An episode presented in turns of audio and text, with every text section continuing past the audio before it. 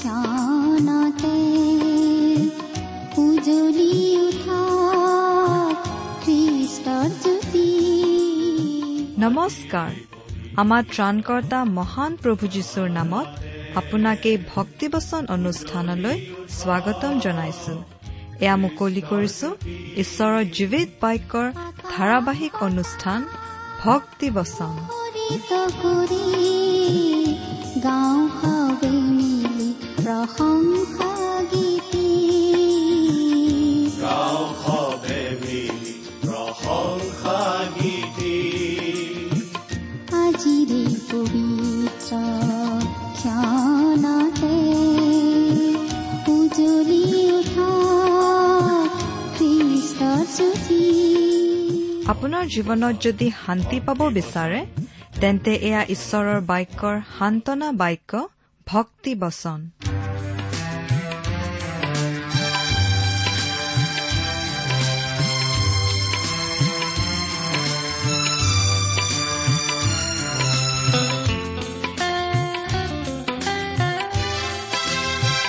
দূৰ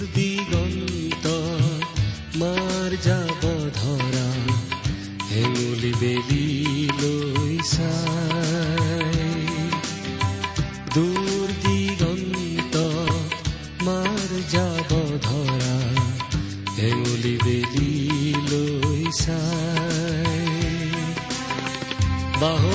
পুলি জাত পাতি উৰা বিহংগৰ পিনলৈ চাই হৃদয় উঠলে বুজা বেগেৰে প্ৰভু তোমালৈ মনত পৰে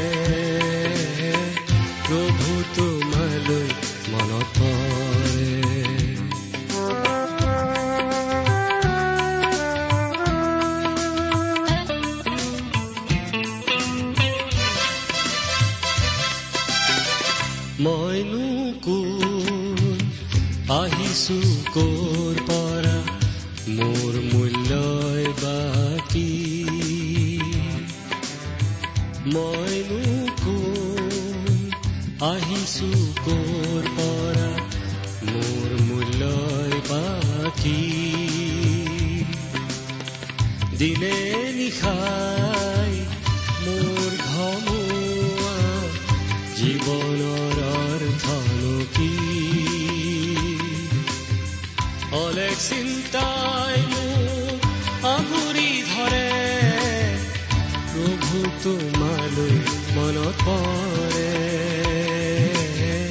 প্ৰভু তোমালৈ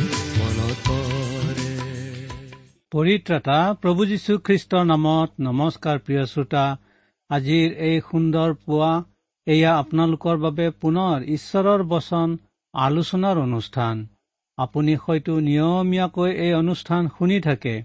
শুনি কেনে পাইছে অনুগ্ৰহ কৰি চিঠি এখন লিখি আমাক জনাই যেন। ইয়াৰ আগৰবাৰৰ আলোচনা যিসকলে শুনিছে সেইসকলে জানে যে আমি ইয়াৰ আগতে হুচীয়া পুস্তকৰ ছয় অধ্যায়টোৰ পৰা আলোচনা চলালো। আজি হুচীয়া পুস্তকৰ সাত অধ্যায়টোৰ পৰা আলোচনা চলাম। তাৰ পূৰ্বে আহক ঈশ্বৰৰ গুৰিত প্ৰাৰ্থনা জনাওঁ হওক আহক প্ৰাৰ্থনা কৰো হে প্ৰেমময় পবিত্ৰ ঈশ্বৰ জিহুৱা আপোনাৰ পবিত্ৰ আৰু মহান নামৰ ধন্যবাদ কৰো। কাৰণ প্ৰভু আপোনাৰ অনুগ্ৰহতেই আমি এইখিনি সুসময় পাইছো আপোনাৰ পবিত্ৰ আৰু জীৱনদায়ক বাক্য আলোচনা কৰিবৰ কাৰণে।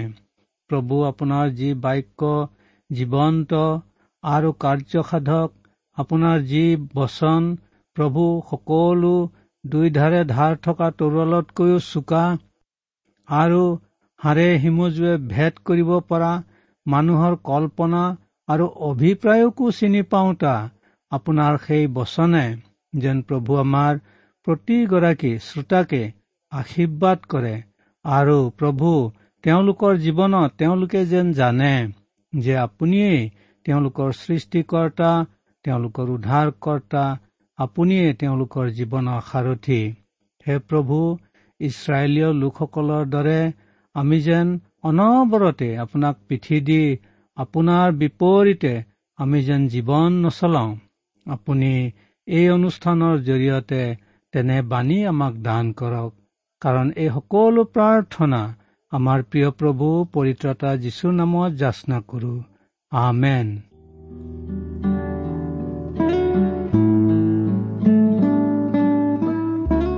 প্ৰিয় শ্ৰোতা আহক এতিয়া হুচেয়া সাত অধ্যায় এক পদৰ পৰা শেষ পদলৈকে অৰ্থাৎ ষোল্ল পদলৈকে পাঠ কৰোঁ হওক।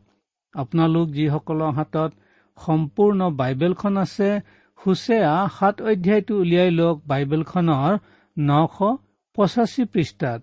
যিসকলৰ হাতত বাইবেল নাই পাঠ কৰি যাওঁতে মনোযোগেৰে শুনক পাঠ কৰিছো শুনক।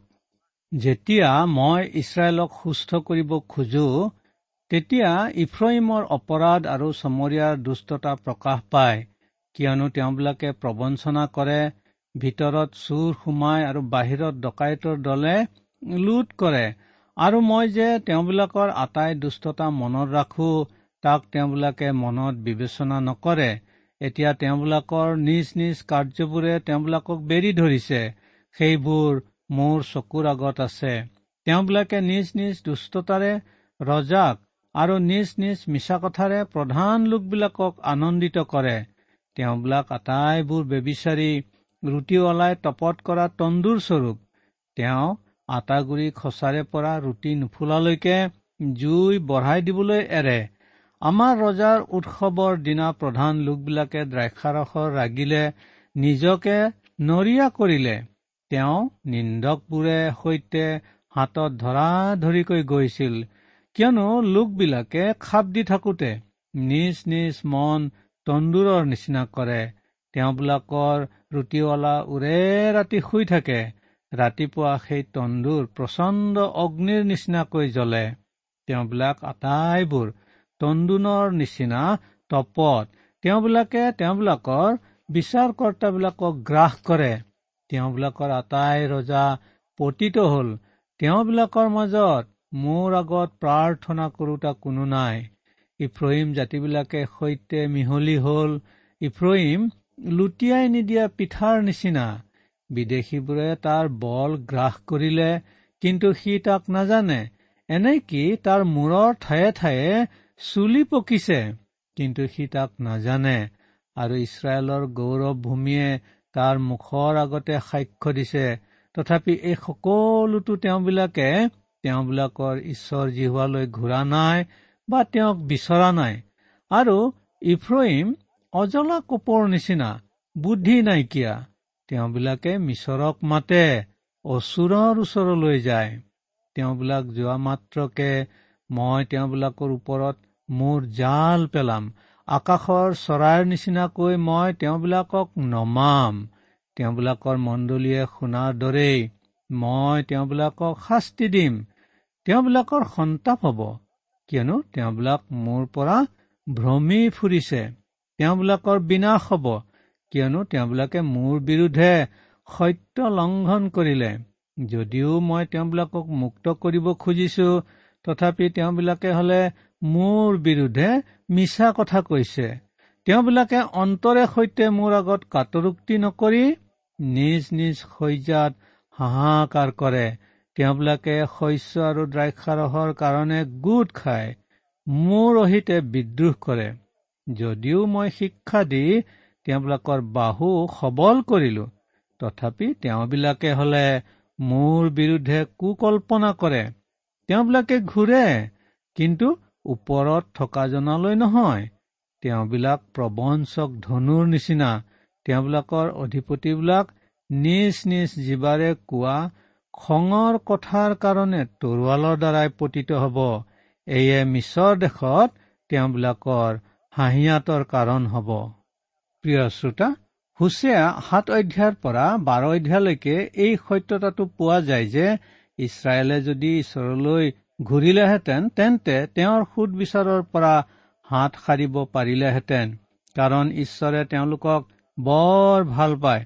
তেওঁলোকৰ বৰ্তমানৰ পাপৰ কাৰণে তেওঁ তেওঁলোকৰ প্ৰতি কঠোৰ ব্যৱহাৰ কৰিবলগীয়া হৈছে। কিন্তু শেষৰ কালত যাতে তেওঁলোক সম্পূৰ্ণ জাতিৰূপে তেওঁলৈ পালতে তাৰ কাৰণে তেওঁ বৰ মৰমেৰে তেওঁলোকক মাতি আছে। কিন্তু আমি এই অধ্যায়টোত দেখিছো যে তেওঁলোকে ঈশ্বৰলৈ পালতক চাৰি মিছৰ আৰু অচৰীয়াৰ সহায় বিচাৰিহে তেওঁলোকৰ কাষ চাপিছে। সাত অধ্যায় এক পদত আমি পাওঁ চমৰীয়া আছিল উত্তৰ ৰাজ্যৰ ৰাজধানী আৰু এই ৰাজধানী উমৰি ৰজাই পাতিছিল আৰু আহব ৰজা আৰু তেওঁৰ ৰাণী জেজেবলে তাত ৰাজপ্ৰসাদ তৈয়াৰ কৰিছিল। কিন্তু পূৰ্বৰ সেই জাক জমকতাৰ চমৰীয়া আজি এডোখৰ পৰিত্যক্ত ঠাই। ইছৰাইলৰ পাপৰ কাৰণে চমৰীয়াৰ ওপৰত ঈশ্বৰৰ সুদ বিচাৰ পৰিছিল। ইয়াৰ দ্বাৰাই হুচেয়াৰ দিনত ঈশ্বৰে কি কৰিছিল জানেনে? ইছৰাইলে ঢাকি থোৱা পাপসমূহ উদঙাই দিছিল। যি পাপ ইছৰাইলে পূৰ্বে গোপনীয়ভাৱে কৰিছিল তাক এতিয়া তেওঁলোকে প্ৰকাশকৈ কৰিব পাৰিছিল। তাৰ বাবে তেওঁলোকে লাজ পোৱা নাছিল কোনো আক্ষেপো কৰা নাছিল। বেয়া কৰা বুলি ভাবিব তেওঁলোকে পৰা নাছিল। সেইবোৰ পাপ পথৰ পৰা পালতি তেওঁলোকে ঈশ্বৰৰ কাষ চপাহেঁতেন। ঈশ্বৰে তেওঁলোকক ক্ষমা কৰিলেহেঁতেন তেওঁলোকক গ্ৰহণো কৰিলেহেঁতেন। কিন্তু তাকে কৰাৰ পৰিৱৰ্তে তেওঁলোকে ঈশ্বৰৰ পৰা অধিক দূৰলৈ আঁতৰি গৈছিল। প্ৰিয় শ্ৰোতা গোপনীয়ভাৱে কৰা পাপেই যেতিয়া মানুহৰ সৰ্বনাশ কৰিব পাৰে তেন্তে তেনেস্থলত প্ৰকাশকৈ আচৰা পাপে আৰু কিমান অধিক অনিষ্ট সাধন কৰিব পাৰিব? আপুনি অকণ ভাবি চাওকচোন। মানুহে প্ৰকাশকৈ পাপ আচৰিব পাৰে তেতিয়া জানিব যে মানুহ পশুত পৰিণত হৈছে সম্পূৰ্ণ ডুবি পাপ সাগৰৰ তলি পাইছেগৈ। মোৰ বিশ্বাস যে হুচেয়াৰ যোগেদি আজি ঈশ্বৰে আমাৰ কাৰণেও এই বাণী ৰাখিছে যে যি স্থলত পাপ আচৰণ কৰি তেওঁৰ পৰা আঁতৰি যোৱা তেওঁৰ মনোনীত জাতি ইছৰাইলকে ঈশ্বৰে ৰেহাই নিদিলে তেনেস্থলত পাপ আচৰণ কৰি বিনা শাস্তিৰে কোনো জাতি বা কোনো ব্যক্তিয়ে ৰেহাই পাব বুলি আপুনি ভাবিব? আমি জানো যে এসময়ত এটা দিন আছিল যেতিয়া মানুহে গোপনীয়কৈ পাপ আচৰণ কৰিছিল আৰু তেতিয়াৰে পৰাই মানুহে ডুবিবলৈ আৰম্ভণ কৰিছিল কিন্তু আজি যেতিয়া মানুহে প্ৰকাশকৈ পাপ কৰিবলৈ মানুহৰ পৰা কোনো বাধা পোৱা নাই বৰং কোনো কোনো পাপ কাৰ্যৰ বাবে অনুমোদন লাভ কৰিছে মানুহে পাপ আচৰিবলৈ যেতিয়া মানুহ সমাজে স্বীকৃতি জনাব পাৰিছে তেতিয়া জানিব যে এই সমাজ ডুবি তলি পাইছেগৈ। সি আৰু ডুবিবলৈ বাকী নাই। আজিৰ মানুহৰ পাপ আচৰণ দেখিলে ভাৱ হয় আৰু পোন্ধৰ বিশ বছৰৰ পাছত মানুহৰ অৱস্থা চাগে হবগৈ। মানুহ মানুহ হৈ থাকিবগৈ নে বাৰু? আজিৰ পাপ কাৰ্যৰ বাবে আমি ভুল ৰাজনীতি ভুল সমাজ ব্যৱস্থা ভুল অৰ্থনীতি নিবনুৱা সমস্যা আৰু জনসংখ্যা বিস্ফোৰণৰ কাৰণেই হোৱা বুলি কথা সামৰি থব খোজো। কিন্তু আচল কাৰণ সেইবোৰ নহয়। আচল কাৰণটো হৈছে মানুহৰ ঈশ্বৰ বিষয়ক জ্ঞানৰ অভাৱ। আনকি ভুল ৰাজনীতি সমাজ ব্যৱস্থা অৰ্থনীতি নিবনুৱা সমস্যা আৰু জনসংখ্যা বিস্ফোৰণ আদিবোৰৰো উৎপত্তি হৈছে ঈশ্বৰ বিষয়ক জ্ঞানৰ অভাৱতেই। ঈশ্বৰ বিষয়ক জ্ঞানৰ ভঁৰাল ঈশ্বৰে আমাৰ বাবে প্ৰস্তুত ৰাখিছে। ঈশ্বৰৰ বচন বাইবেলে হৈছে সেই ভঁৰাল। মানুহে আজি ঈশ্বৰৰ মন্ত্ৰণা আৰু পৰামৰ্শ জানিবলৈ ঈশ্বৰৰ বচনলৈ কাণ পাতিব লাগে। কাৰণ ঈশ্বৰৰ বাহিৰত আজি মানুহৰ কোনো আশা নাই। নাই ঈশ্বৰৰ বাহিৰত মানুহৰ কোনো আশাই নাই। দুই পদত ঈশ্বৰে আচলতে কৈছে মই আগৰে পৰাই তেওঁলোকৰ পাপ জানিছো। কিন্তু তেওঁলোকে এতিয়া মোৰ পৰা অধিক দূৰলৈ আঁতৰি গৈছে আৰু এতিয়া প্ৰকাশকৈ পাপ কৰিবলৈ লৈছে। তাৰমানে এতিয়া তেওঁলোক অনৈতিকতাৰ একেবাৰে তলত পৰিছেগৈ। তিনি পদৰ কথাটো আজি আমাৰ দিনতো কিমান সঁচা। মানুহে কোৱা মন্দ কথা আৰু মন্দ কামৰ বাবে তেওঁলোকে মানুহৰ সমাজৰ ৰজা আৰু প্ৰজা সকলোৰে পৰা প্ৰশংসা লাভ কৰে। চোকা ভাষা আৰু অশ্লীল কথাৰে বিপক্ষক থকা সৰকা কৰিব পৰা লোকসকলক মানুহে হাত তালিৰে স্বীকৃতি জনায়। অধিক চোকা ভাষা আৰু অশ্লীল কথা ব্যৱহাৰ কৰাত মানুহজনক উৎসাহ জন্মায়। মিছা কথা ক'ব পৰাসকলক বৰ বুদ্ধিয়ক লোক জ্ঞান কৰা হয়।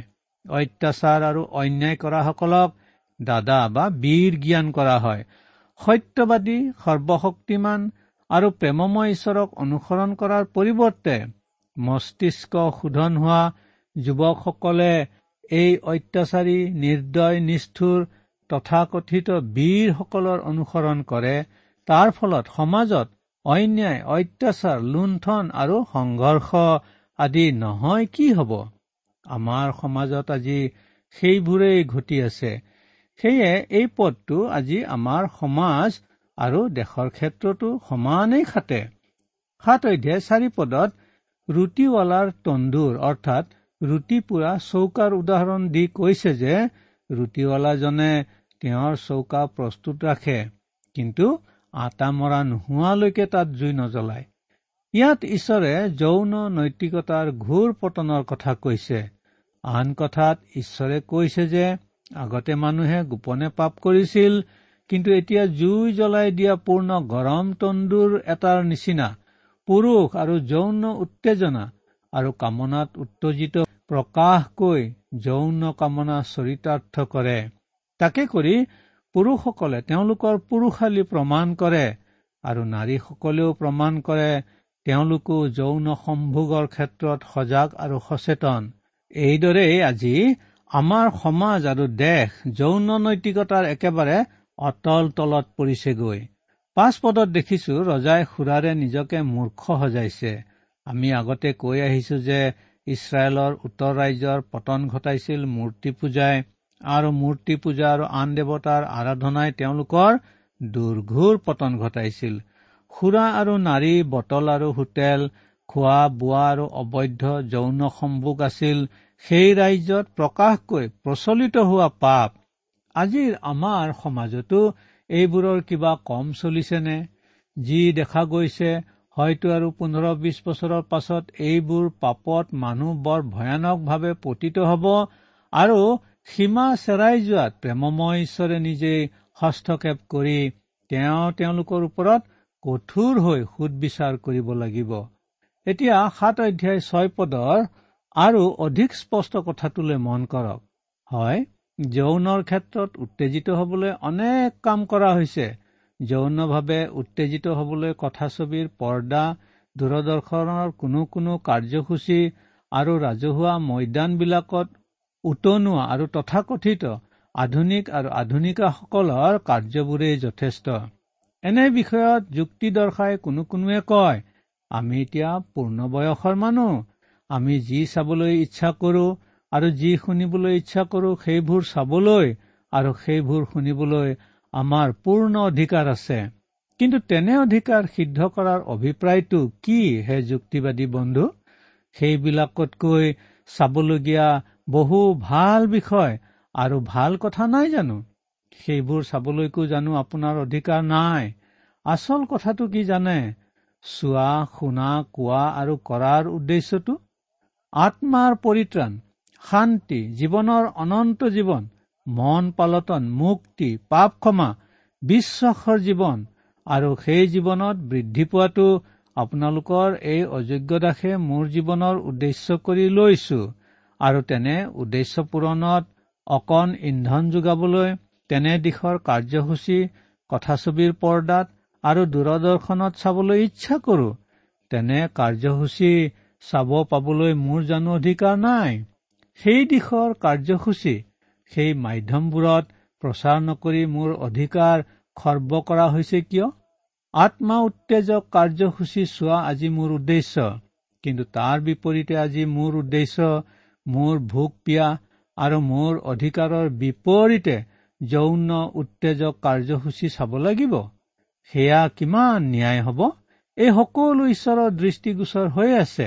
মানুহে আজি যি বৈছে তাকেই এদিন জৰুৰ দাব লাগিব।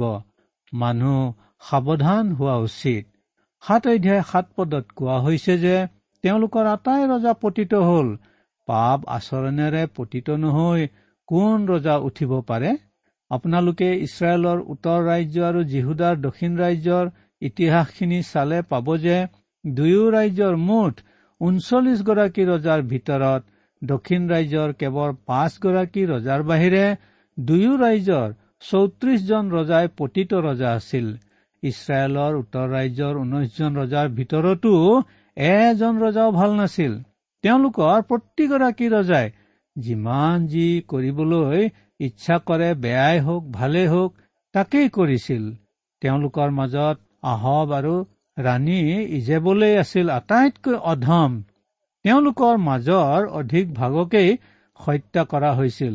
কোনো কোনো ৰজাই খুব কম সময়ৰ বাবেহে ৰাজত্ব কৰিব পাৰিছিল। ইটোৱে সিটোৰ বিৰুদ্ধে ষড়যন্ত্ৰত জড়িত হৈছিল আৰু কোনো কোনো ৰজাৰ নিজৰ ঘৰৰ পৰা ৰজাৰূপে কোনো উত্তৰাধিকাৰীও নাছিল।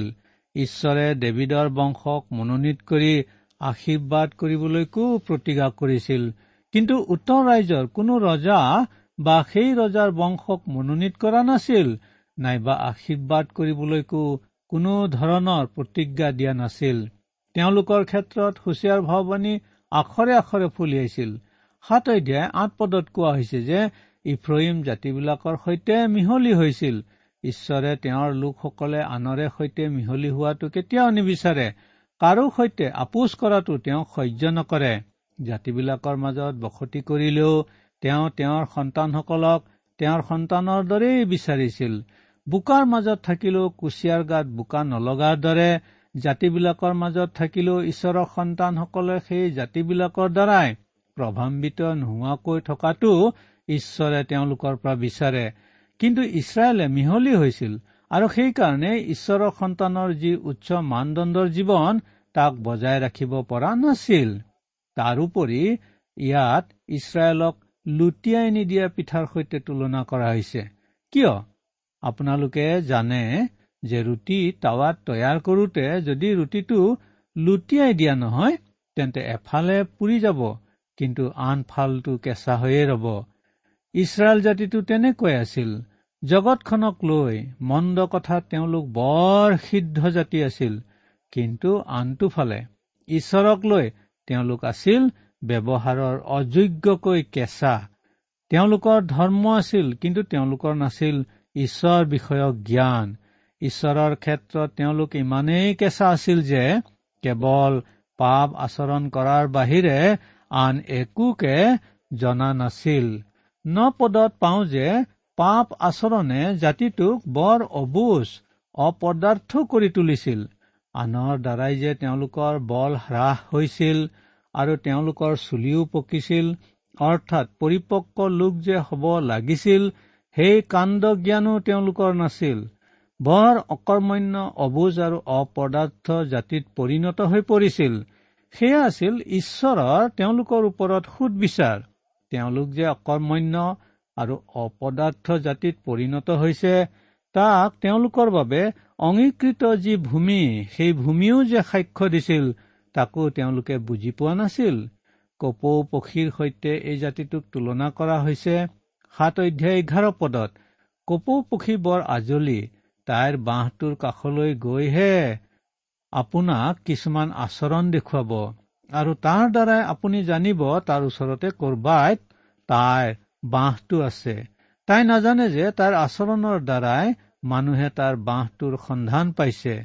দ্বিতীয়তে তাই নাজানে তাইৰ বাঁহটোৰ সন্ধান লাভ হোৱাত তাইৰ নিজৰ জীৱনৰো সংকট আছে। ইছৰাইলেও তাকেই কৰিছিল। তেওঁলোকে প্ৰথমতে মিছৰলৈ সহায় বিচাৰি যায়। মিছৰে সহায় আগবঢ়াবলৈ অপাৰগতা স্বীকাৰ কৰাত পুনৰ অচুৰীয়াসকলৰ ওচৰলৈ যায়। তেওঁলোক কিমান অবুজ অপদাৰ্থ হৈ পৰিছিল চাওক। ঈশ্বৰ জিহুৱাৰ গুৰিলৈ সহায় বিচাৰি যোৱাৰ পৰিৱৰ্তে তেওঁলোকে মিছৰ আৰু অচুৰৰ গুৰিলৈহে গৈ সহায় বিচাৰিছিল আৰু উমান দিছিল যে তেওঁলোক কিমান দুৰ্বল জাতি আছিল যাৰ ফলত অচুৰে ইছৰাইল আক্ৰমণ কৰি তেওঁলোকক দেশান্তৰিত কৰি অচুৰলৈ লৈ গৈছিল। বাৰ পদতো আজলি কপৌজনী কপৌ ধৰোতাৰ সজাত কেনেকৈ বন্দী হয় তাৰ লগত তুলনা দি ঈশ্বৰে কৈছে যে অচুৰক ব্যৱহাৰ কৰি ইছৰাইলক অচুৰৰ সজাত ভৰাইছিল এয়াও তেওঁলোকৰ ওপৰত সুদ বিচাৰ আছিল। তেৰ পদৰ কথাৰ পৰা জানিব পাৰো যে এই জাতিটো বৰ দুৰ্ভগীয়া জাতি আছিল কাৰণ ঈশ্বৰে তেওঁলোকৰ বাবে মুক্তি মজুত ৰখাটো তেওঁলোকে সেই জীৱন্ত আৰু সত্য ঈশ্বৰৰ পৰা আঁতৰি থাকিছিল। চৌধ্য পদৰ আকালটো যে ঈশ্বৰৰ সুদবিচাৰ আছিল তাকো তেওঁলোকে জনা নাছিল। পোন্ধৰ আৰু সোতৰ পদত ইছৰাইল জাতিটো প্ৰবঞ্চক ধনুৰ নিচিনা আছিল বুলি কোৱা হৈছে। কাঁড় এৰিবলৈ ধনু জোৰে কিন্তু ধনুৰ জৰি চিঙে সেয়ে জাতিটো মিছৰৰ হাঁহিয়াতৰ পাত্ৰ হৈছিল।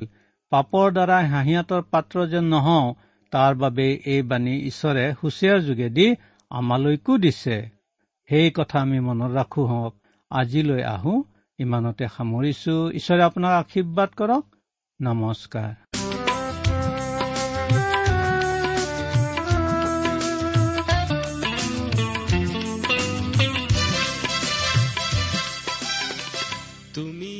ইমান পৰে আপুনি ভক্তিবচন অনুষ্ঠানটি শুনিলে। অনুষ্ঠানটি শুনি কেনে পালে? আমালৈ চিঠি লিখি জনাবচোন। অনুষ্ঠানত প্ৰচাৰ কৰা কোনো কথা বুজিব লগা থাকিলেও আমালৈ লিখক। আমাৰ ঠিকনা ভক্তিবচন টি ডাব্লিউ আৰ ইণ্ডিয়া ডাক পাকচ নম্বৰ সাত শূন্য গুৱাহাটী সাত আঠ এক শূন্য শূন্য এক। ঠিকনাটো আৰু এবাৰ কৈছো ভক্তিবচন টি ডাব্লিউ আৰ ইণ্ডিয়া ডাক পাকচ নম্বৰ সাত শূন্য গুৱাহাটী সাত আঠ এক শূন্য শূন্য এক। আপুনি ইমেইল যোগেৰেও আমাৰ সৈতে যোগাযোগ কৰিব পাৰে। আমাৰ ইমেইল আইডিটো হৈছে Assamese T TV at radio' eight eight two dot com আইডিটো আকৌ এবাৰ কৈছো। Assamese T TV at radio' eight eight two dot com আপুনি টেলিফোনৰ মাধ্যমেৰেও আমাক যোগাযোগ কৰিব পাৰে। আমাৰ টেলিফোন নম্বৰটো হৈছে শূন্য তিনি ছয় এক দুই ছয় শূন্য চাৰি ছয় সাত এক। ফোন নম্বৰটো আকৌ এবাৰ কৈছো zero' three six one two six zero' four six seven one. আজিৰ অনুষ্ঠানটি ইমানতে সামৰিছো। ঈশ্বৰৰ শান্তি আৰু অনুগ্ৰহ আপোনাৰ লগত থাকক। ধন্যবাদ।